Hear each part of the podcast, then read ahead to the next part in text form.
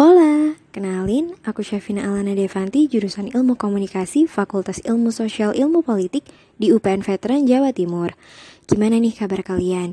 Di masa yang kayak sekarang ini, kalian harus pastiin buat sehat-sehat aja ya. Di podcast ini, aku mau jelasin tentang komunikasi interpersonal. Nah, apa sih komunikasi interpersonal itu? Jadi, komunikasi interpersonal itu adalah komunikasi yang dilakuin antara dua orang atau lebih. Misalkan nih, kalian lagi ngobrol sama orang lain. Nah, bisa dibilang kalian itu lagi ngelakuin komunikasi interpersonal. Komunikasi ini merupakan nyawa dari suatu hubungan. Hah? Apa sih maksudnya?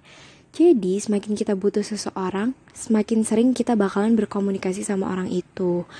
Nah, ngomongin tentang kebutuhan nih, William Such ngejelasin kalau ada tiga kebutuhan dasar manusia. Yang pertama, inclusion. Kebutuhan untuk mendapatkan hubungan yang memuaskan dengan orang lain dan adanya rasa keterlibatan di suatu hubungan. Nah, kalau aku sih, contoh inclusion ini ya, waktu SMA dulu, teman-teman aku tuh pernah kayak bikin planning liburan gitu. Tapi sayangnya mereka nggak ngajak aku buat liburan dan nge-planning liburan itu juga. Jadi ya sedih deh aku jadinya karena aku ngerasa nggak dilibatin ke rencana liburan mereka. Nah, yang kedua, ada kontrol. Jadi kebutuhan atas pengaruh dan kekuasaan. Gini, aku tuh paling males banget buat ikut ke acara keluarga. Tapi mama aku tuh ngewajibin anak-anaknya buat rajin datang ke acara keluarga. Dan kalau misalkan kita nolak, mama bakalan sedih banget. Soalnya kontrol tadi itu nggak bisa terpenuhi karena anak-anaknya dia nggak nurut dengan peraturan yang dia buat itu. Nah, yang ketiga, affection kebutuhan akan rasa kasih sayang. Kalau buat aku sih, sebagai anak bungsu di keluarga aku, aku tuh manja banget ke keluarga aku. Karena aku tuh butuh rasa kasih sayang dari mereka. Nah, kalau itu tadi pendapat dari William Suits mengenai tiga kebutuhan dasar manusia, pendapat Maslow beda lagi nih. Jadi, menurut hierarki kebutuhan Maslow, kebutuhan manusia digambarin ke bentuk piramida yang mengerucut ke atas. Pertama, di bagian piramida paling bawah ada kebutuhan fisiologikal. Nah, ini tuh kebutuhan paling dasar manusia. Contohnya kayak makan, minum, tidur. Kalau misalkan kita nggak ngelakuin ini, otomatis kita bakalan sakit kan. Kita harus memenuhi ini dulu biar kita bisa tetap bertahan hidup. Nah, yang kedua, ada kebutuhan akan keamanan. Misalkan keamanan diri, keamanan akan kesehatan, tempat tinggal, pekerjaan, dan pendapatan. Yang ketiga, ada kebutuhan akan cinta dan rasa memiliki yang dapat dipenuhi melalui hubungan pertemanan dan keluarga. Yang keempat, kebutuhan akan self-esteem, rasa dihargai dan menghormati orang lain, rasa percaya diri, pencapaian yang diraih itu juga termasuk ke dalam self-esteem. Nah, kelima, kebutuhan yang ada di puncak piramida nih, yaitu kebutuhan akan self-actualization atau pengaktualisasian diri. Nah, kebutuhan ini tuh untuk mendapatkan pengakuan dari orang lain mengenai diri kita. Hmm, tapi miris banget gak sih zaman sekarang ini banyak orang yang justru ngelakuin pemenuhan kebutuhannya itu secara terbalik. Jadi dengan adanya sosial media ya, banyak banget orang yang berlomba-lomba buat mengaktualisasikan dirinya dengan nunjukin gaya hidup hedon di sosial media. Kayak contohnya nih, bikin story nongkrong di coffee shop yang lagi hits hampir tiap hari atau ngeposting foto-foto di Instagram pakai barang-barang branded atau istilahnya hypebeast. Nah, pokoknya intinya di zaman sekarang ini kebutuhan buat aktualisasi diri itu kebanyakan diutamain gitu padahal sering kali pemenuhan kebutuhan dasar mereka itu malah terbengkalai. Kadang makan cuma nasi sama garam atau malah cuma makan obat mah nih. Jangan sampai ya kalian kayak gitu juga. Jadi komunikasi interpersonal itu punya beberapa model yang pertama ada model linear atau searah yang berarti posisi antara komunikator, pengirim pesan, dan komunikan penerima pesan sejajar.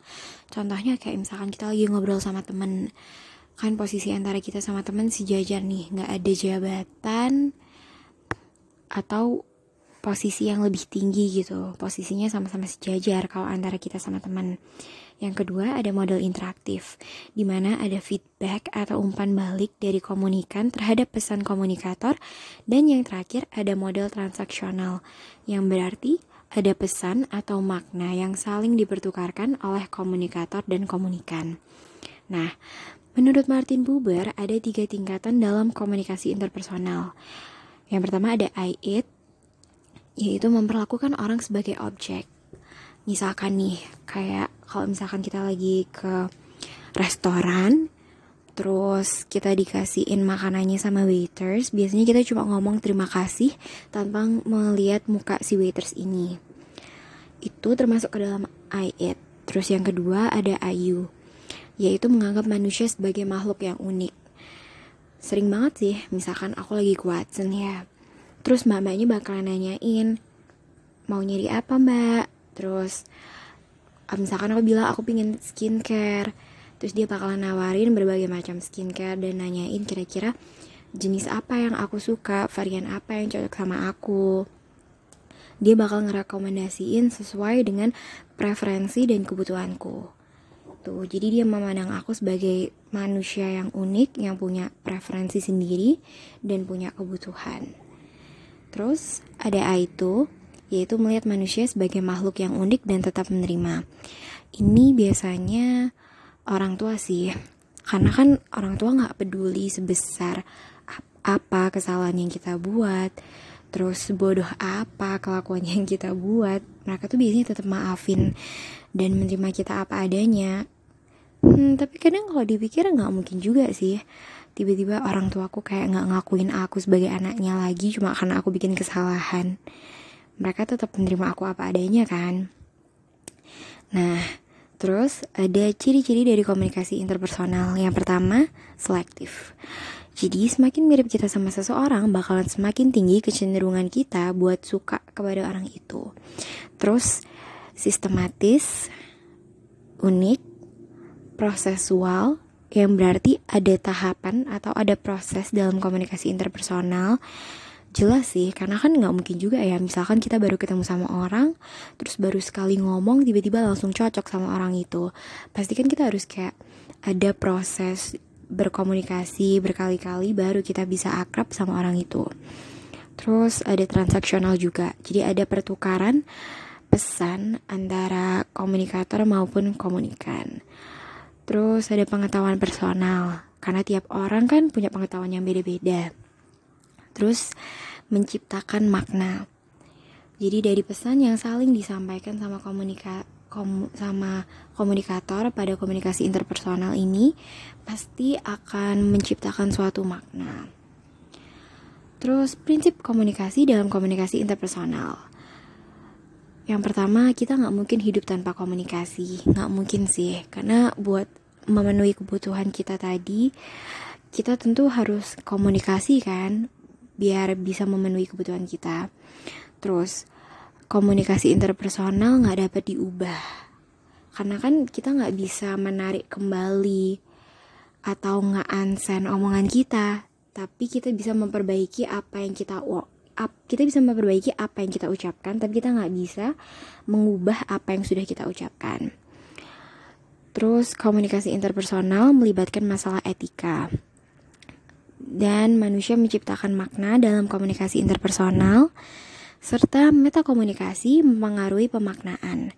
Metakomunikasi ini berarti melihat pesan dalam pesan yang berarti kita tuh nggak cuma dengerin verbal atau omongan orang itu aja tapi kita juga memperhatiin faktor-faktor kayak nonverbal kayak misalkan ekspresinya dia, gesturnya dia waktu ngomong kayak gimana, itu juga harus kita lihat. Terus komunikasi interpersonal menciptakan hubungan yang berkelanjutan. Komunikasi tidak dapat menyelesaikan suatu hal. Ini dia sih yang perlu kita ingat kalau komunikasi itu bukan semacam mantra ajaib yang bisa memecahkan semua masalah. Dan efektivitas komunikasi interpersonal adalah hal yang bisa dipelajari. Sebenarnya bisa banget kita mempelajari gimana caranya biar komunikasi interpersonal bisa efektif gitu. Aku rasa segitu dulu dari aku mengenai materi tentang komunikasi interpersonal. Thank you for listening to my whole podcast. I hope you guys enjoy it. And I hope I can see you guys next time. Bye.